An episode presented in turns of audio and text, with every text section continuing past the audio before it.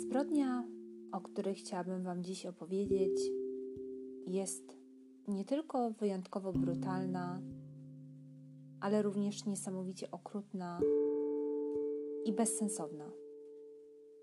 Dziś chciałabym zająć się sprawą, która miała miejsce w Polsce w roku 2014, czyli całkiem niedawno, którą pewnie większość z Was kojarzy telewizji, z programów kryminalnych, z wiadomości czy z gazet, ponieważ była to sprawa bardzo głośna, a wobec której po prostu nie można przejść obojętnie.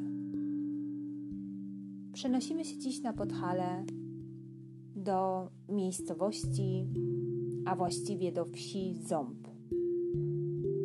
Jest to duża wieś położona na północnym stoku Gubałówki w gminie Poronin, zaledwie 11 km od Zakopanego. Z ciekawostek jest to jednocześnie najwyżej położona miejscowość w Polsce. Najwyższy jej punkt leży na wysokości około 1013 metrów nad poziomem morza.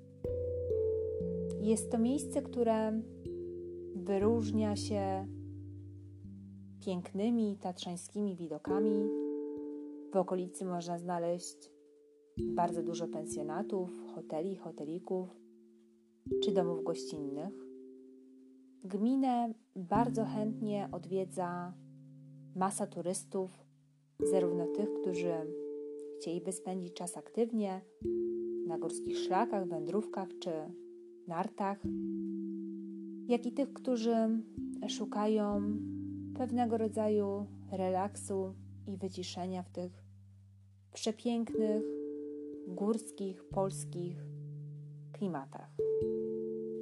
To właśnie w tej przepięknej miejscowości w grudniu 1998 roku przychodzi na świat syn Andrzeja i Danuty Majerczyk, Marcin.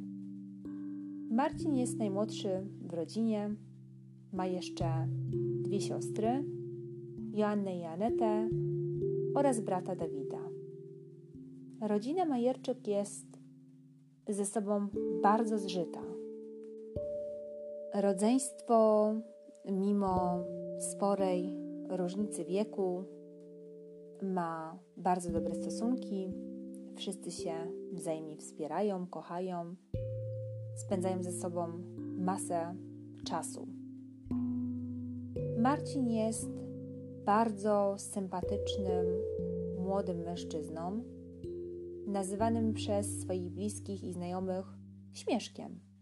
Wynika to z tego, że jest wyjątkowo radosnym i bardzo pogodnym nastolatkiem. Uśmiech gości na jego twarzy praktycznie przez większość dnia.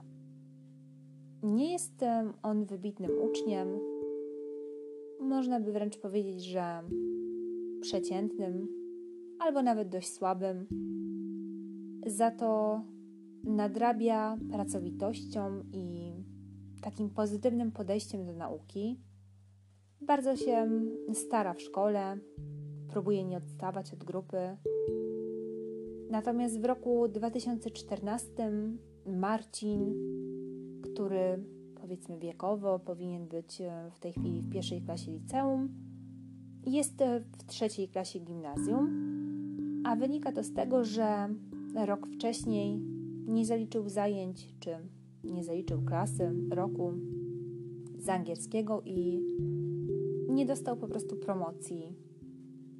E, Marcin jest wybitnym, wyśmienitym narciarzem, który odnosi spore sukcesy w kategorii juniorskiej.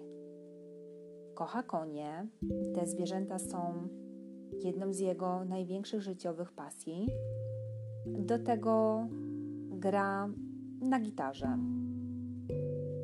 W przyszłości Marcin chciałby zostać strażakiem i można by powiedzieć, że jest na bardzo dobrej drodze do spełnienia tego swojego marzenia ponieważ jak tylko osiąga odpowiedni pułap wieku, dołącza do Ochotniczej Straży Pożarnej. W OSP Marcin bardzo zżywa się z panem Romanem, który jest od niego o kilkanaście lat starszy. Pan Roman traktuje Marcina niemal jak syna. Spędzają ze sobą sporo czasu. Marcin może zawsze na niego liczyć. A czasu spędzają ze sobą na tyle dużo, że Marcin nawet ma u niego swój własny kubek do kawy. Latem 2014 roku Marcin postanawia zarobić swoje pierwsze pieniądze i zatrudnia się w firmie pana Romana, a jest to firma, która wozi turystów po Gubałówce. Bardzo podoba się Marcinowi to zajęcie, zresztą pan Roman również jest z niego zadowolony, ponieważ turyści za nim przepadają i bardzo chętnie korzystają z jego usług. Oczywiście wynika to z tego, że Marcin jest przesympatycznym młodym człowiekiem, który swoją pogodą ducha wręcz zaraża. Niedaleko miejsca zamieszkania Marcina, w tej samej gminie Poronin, w miejscowości Suche, mieszka 22-letni Józef. Józef jest z zawodu hydraulikiem. Zdaje się zresztą lubić swoją pracę. No i ma ku temu powody, ponieważ całkiem dobrze zarabia, niczego mu też nie brakuje. Trafił do takiej bardzo dobrej firmy, dobrze się rozwijającej. Szef Józefa bierze zlecenia praktycznie z całej Polski, dzięki czemu Józef od czasu do czasu ma możliwość wyjazdów służbowych. Między innymi przez ponad miesiąc pracował w Warszawie. Józef mieszka swoim domu rodzinnym wraz z rodzicami oraz rodzeństwem. Ma bardzo wymagającego ojca, który jest z zawodu strażakiem i trzyma syna tak zwaną twardą ręką. Właściwie Józef boi się swojego taty, co jest dość widoczne dla osób postronnych w takim codziennym życiu, w takich codziennych relacjach Józefa ze swoją rodziną. W domu Józefa, a właściwie w domu rodziców Józefa, panuje idealny wręcz porządek. Jest to jeden z wymogów ojca i jedna z licznych zasad, które Józef musi przestrzegać w domu.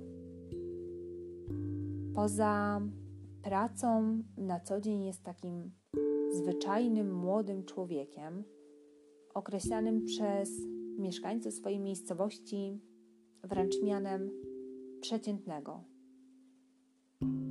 Jak na swój wiek jest dość niski i bardzo chudy. Wygląda bardziej na nastolatka niż na dorosłego mężczyznę.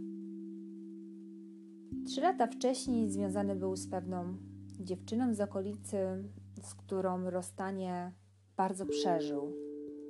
Na tyle mocno, że krótko po tym dwukrotnie próbował targnąć się na swoje życie. Raz podcinając sobie żyły, drugi raz natomiast próbując powiesić się na, na drzewie. Niewiele można o Józefie dowiedzieć się z, ze wsi, mieszkańców gminy, poza tym, że chłopak nie sprawiał żadnych problemów. Spokojny, cichy, wręcz unikał jakichkolwiek konfliktów czy bijatyk. Jeden z jego bliskich znajomych w programie Uwaga powiedział nawet, że Józef potrafił nie pójść na imprezę czy na dyskotekę z obawy przed jakąś niepotrzebną kłótnią, która mogłaby skończyć się bójką. Tak bardzo stronił od agresji. Nikt natomiast nie wiedział o tym, że Józef prowadzi podwójne życie. W swoim pokoju stworzył sobie azyl i tam każdego dnia po powrocie z pracy chowa się przed światem i słucha amerykańskiego rapu oraz wyszukuje informacji na temat seryjnych morderców. Szczególnie jeden z nich robi na Józefie kolosalne wrażenie. Mianowicie Józef ma wręcz obsesję na punkcie amerykańskiego seryjnego mordercy Teda Bundy'ego, który był jednym z najbardziej przerażających i krwawych seryjnych morderców w historii Stanów Zjednoczonych. Józef ogląda wywiady, dokumenty na jego temat, wsłuchuje się w słowa Teda. Dla tych z Was, którzy nie znają sylwetki Bandiego, nie bez znaczenia jest fakt, że Bandy był piekielnie przystojny, inteligentny i błyskotliwy.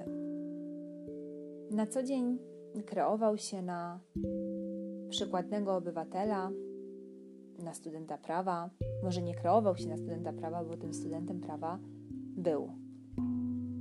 Miał dziewczynę, która nie miała absolutnie żadnych podejrzeń co do jego sekretnego życia.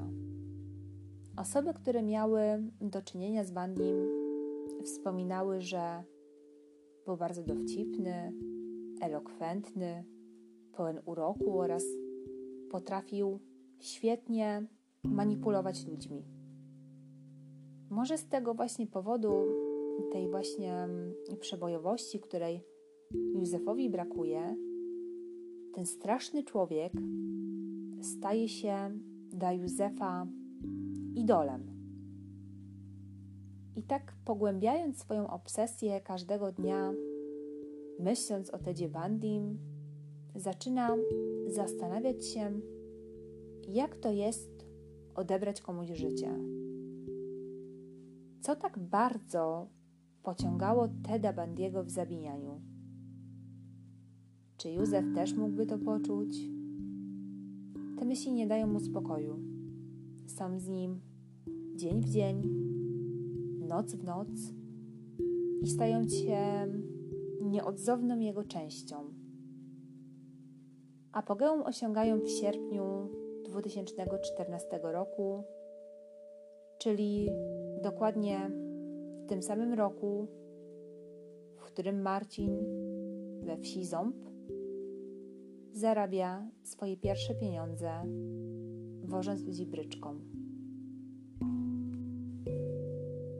Przychodzi dzień 10 sierpnia 2014 roku. W Zębie jest to dzień szczególny, ponieważ to właśnie dziś odbywa się coroczny festyn, tak zwane strażackie śpasy.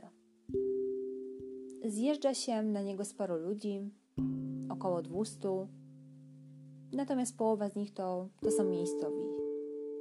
Marcin ma wielką ochotę na tę imprezę, co dziwi trochę jego rodzinę, bo w zasadzie nie jest jakimś szczególnym wielbicielem tego typu zabaw. Właściwie Marcin większość czasu spędza z końmi i gitarą. Ale tego dnia jest w wyjątkowo dobrym humorze. Żartuje nawet do swoich kolegów takimi słowami: Lepiej chodźcie tam ze mną, bo inaczej może mnie zabiją. Słowa są oczywiście rzucone takim żartem, natomiast nawiązywały niewątpliwie do konfliktu, w którym wdał się nastolatek z trzema innymi mieszkańcami okolicznej wsi. Większość znajomych Marcina, no i rodzina Marcina, traktuje ten konflikt z takim przymrużeniem oka, zwłaszcza, że Marcin nie należy do osób zadziornych, natomiast no, na pewno było tam coś na rzeczy. Tak więc tego dnia rodzeństwo Majerczuk, czyli Aneta, która na co dzień przebywa w Anglii, natomiast w owym czasie jest w zębie na wakacjach, Joanna, Dawid oraz Marcin udają się na festyn OSP. Początkowo trzymają się razem, natomiast ponieważ między, między nimi jest ta wspomniana wcześniej spora różnica wieku, a co za tym idzie, różne grupy znajomych, więc rozdzielają się każdy do swoich rówieśników. Nie znaczy to jednak, że nie widzą się w ciągu tej nocy. Co jakiś czas na przykład Aneta sprawdza, co porabia Marcin, ten natomiast zdaje się spędzać noc bardzo przyjemnie. Około godziny 24 do Marcina dzwoni mama, która no, niepokoi się o swojego nieletniego jeszcze syna, który przebywa bardzo późno poza domem. Marcin telefonu nie odbiera, więc mama kontaktuje się z Anetą. Aneta natomiast mamę uspokaja, że Marcina ma na oku, że chłopak świetnie się bawi. Mama natomiast powinna odpuścić, przestać się martwić i po prostu iść spać. Na potwierdzenie swoich słów Aneta robi roześmianemu Marcinowi zdjęcie. Oczywiście nie przypuszczając wtedy, że będzie to ostatnia bardzo znamienna fotografia Marcina. Marcin prosi Anetę, żeby ta zawołała go przed e, powrotem do domu. Nie mieli co prawda daleko, bo zaledwie kilkaset metrów, ale Marcin chciał wrócić z resztą rodziny w jednym czasie, w jednej grupie. To jest oczywiście zrozumiałe. Około godziny trzeciej nad ranem Aneta, Joanna i Dawid postanawiają wrócić. Zaczyna się więc takie no, szukanie Marcina po, po festynie. Chłopaka jednak nigdzie nie widać. Dochodzą więc do takiego wniosku, że prawdopodobnie Marcin udał się już do domu wcześniej sam, więc idą również w stronę wsi opuszczają festyn. Marcin jednak nadal przebywa na miejscu i o tej godzinie jest już nawet nie lekko podchmielona, jest po prostu podpity. W okolicy godziny czwartej zauważa, że brat i siostry prawdopodobnie wrócili już do domu i zostawili go samego. Zresztą impreza też chyli się już ku końcowi, nie ma już większości jego znajomych. Sam więc też rusza w kierunku domu.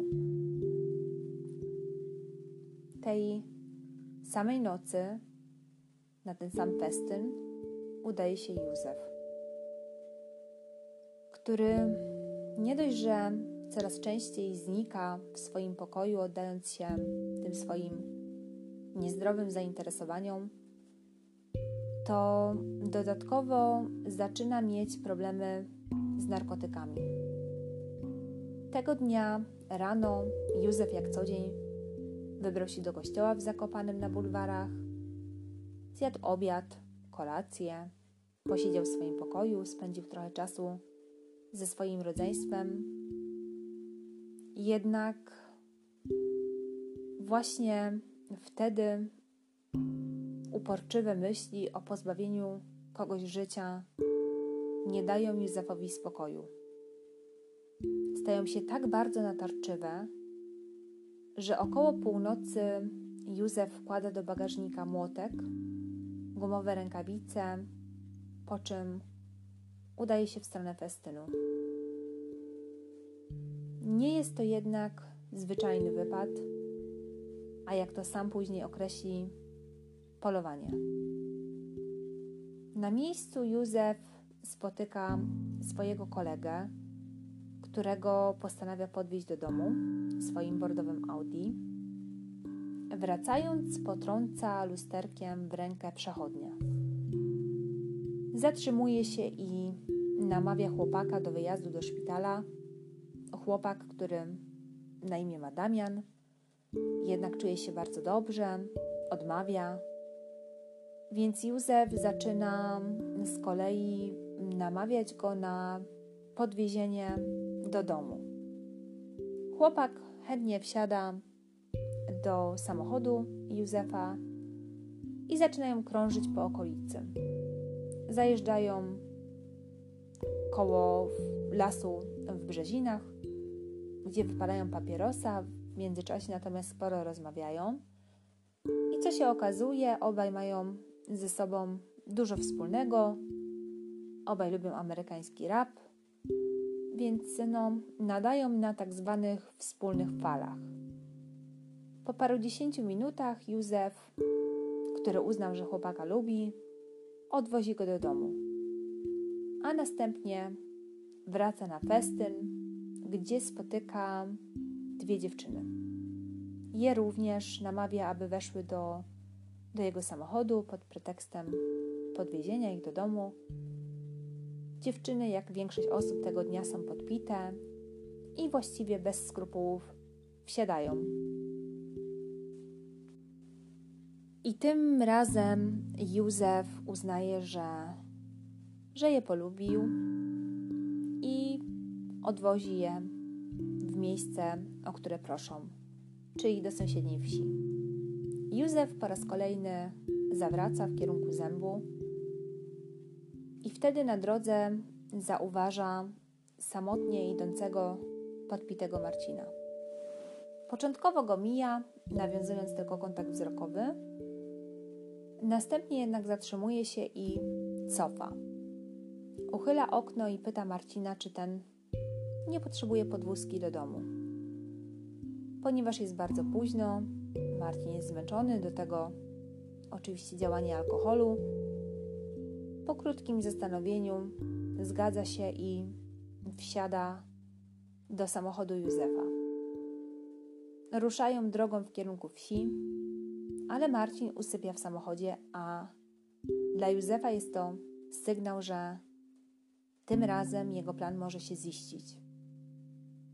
Skręca więc w kierunku Brzezin, zatrzymuje się na krzyżówce w Zębie, dokładnie w tym samym miejscu, w którym palił papierosa z Damianem, czyli potrąconym chłopakiem, i próbuje obudzić Marcina.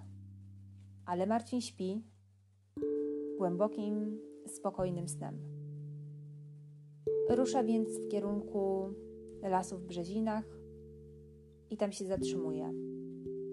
Gasi silnik, zapala papierosa, następnie podchodzi do bagażnika, wyjmuje z niego gumiane rękawiczki i bierze do ręki młotek.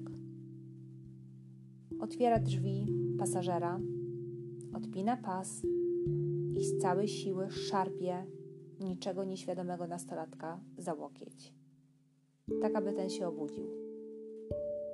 W momencie, kiedy Marcin otwiera oczy, Józef zadaje mu cztery mocne ciosy młotkiem w tył głowy, które okazują się śmiertelne.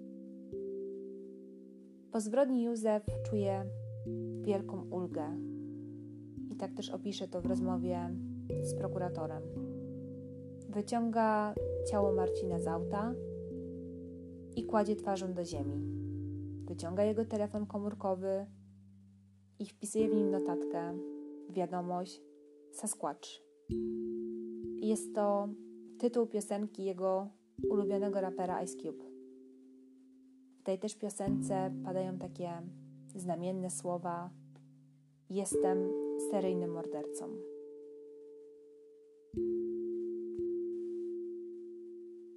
Kiedy Józef odzyskuje trzeźwość umysłu, natychmiast zabiera się za zacieranie śladów. Gałęzią zamazuje odciski butów i ślady opon. Kiedy z oddali słyszy traktor zabawy przed nakryciem, ucieka z miejsca zbrodni, pozostawiając Marcina leżącego w błocie, twarzą do ziemi z kapturem na głowie. Młotek i rękawice zakopuje na polanie. Józefa auto jest pokryte błotem z polany, na której zamordował szesnastolatka, więc w celu ponownego ukrycia śladów Józef postanawia udać się na myjnię samochodową.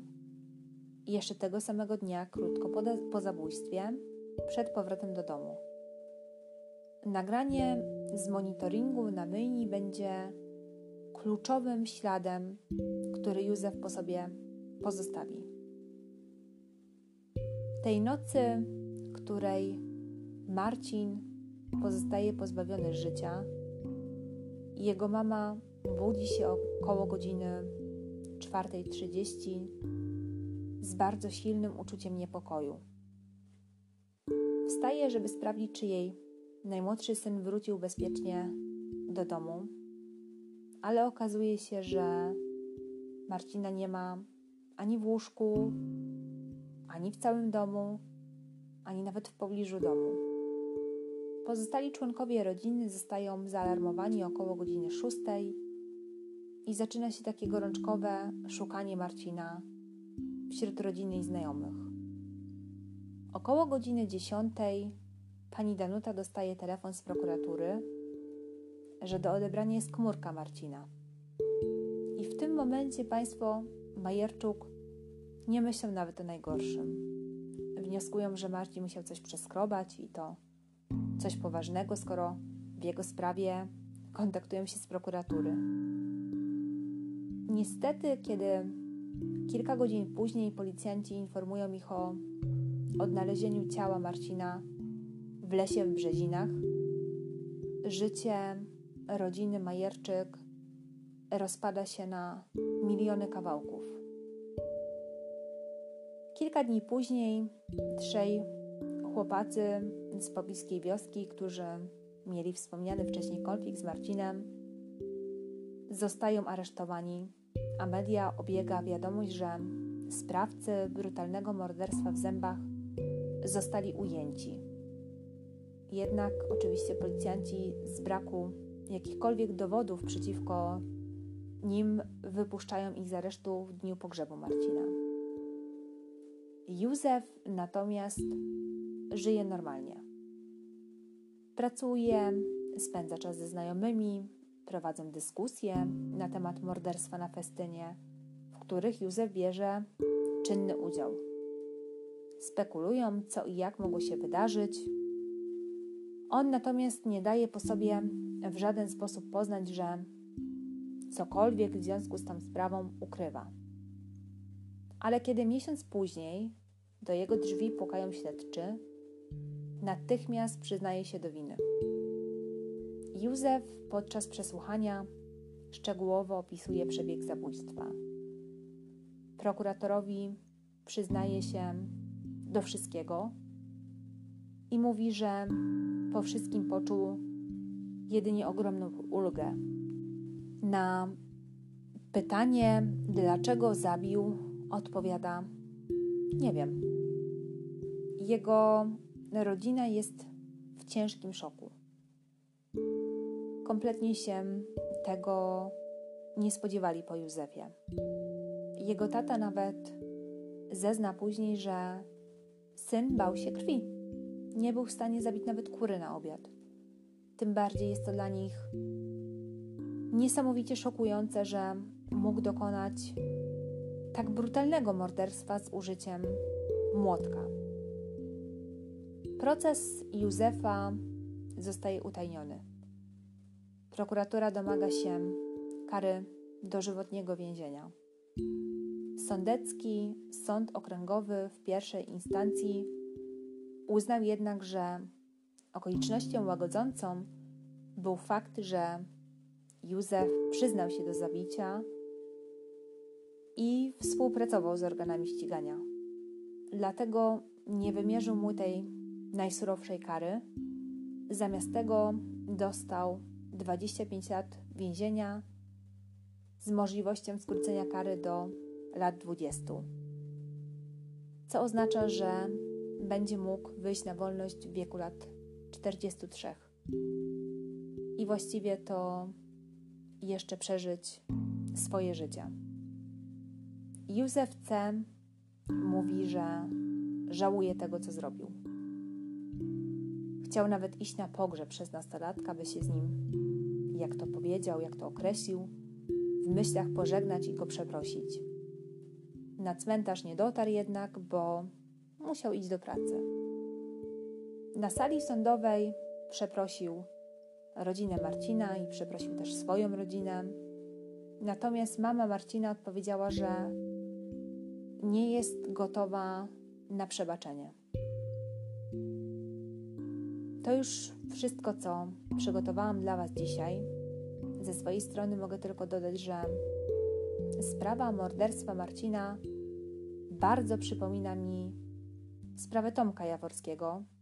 która była poruszana na moim podcaście.